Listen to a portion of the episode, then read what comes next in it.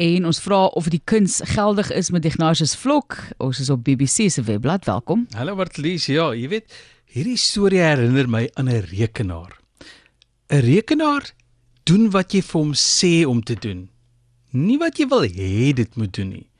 So ek het al baie frustrasie met dit gehad. Maar so gee 'n museum vir 'n kunstenaar opdrag om werk te skep.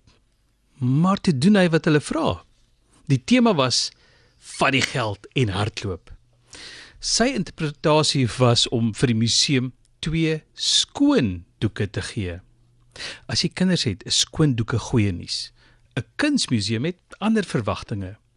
Nou, eers het die kurator gedink, "Dis snaaks," en stal toe die knoeikuns uit.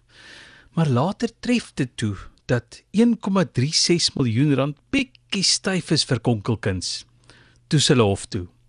Jens Haning was veronderstel om geld in die kuns in te werk.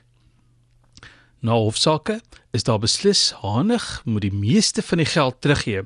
So 1,33 miljoen rand. Die hof verstaan daar was kostes. Seker maar regskostes want twee lappe kos darm seker nie 30000 rand nie. Dalk hou hulle die potensiaal van die doek in gedagte. Net jammer van Gogh is nie meer hier om iets daarmee te maak nie. Ja, dis net belaglik. Ek weet nie wat die persoon gedink het nie. Op die ou end net skoon wat daar's niks op nie. Dalk is dit kuns.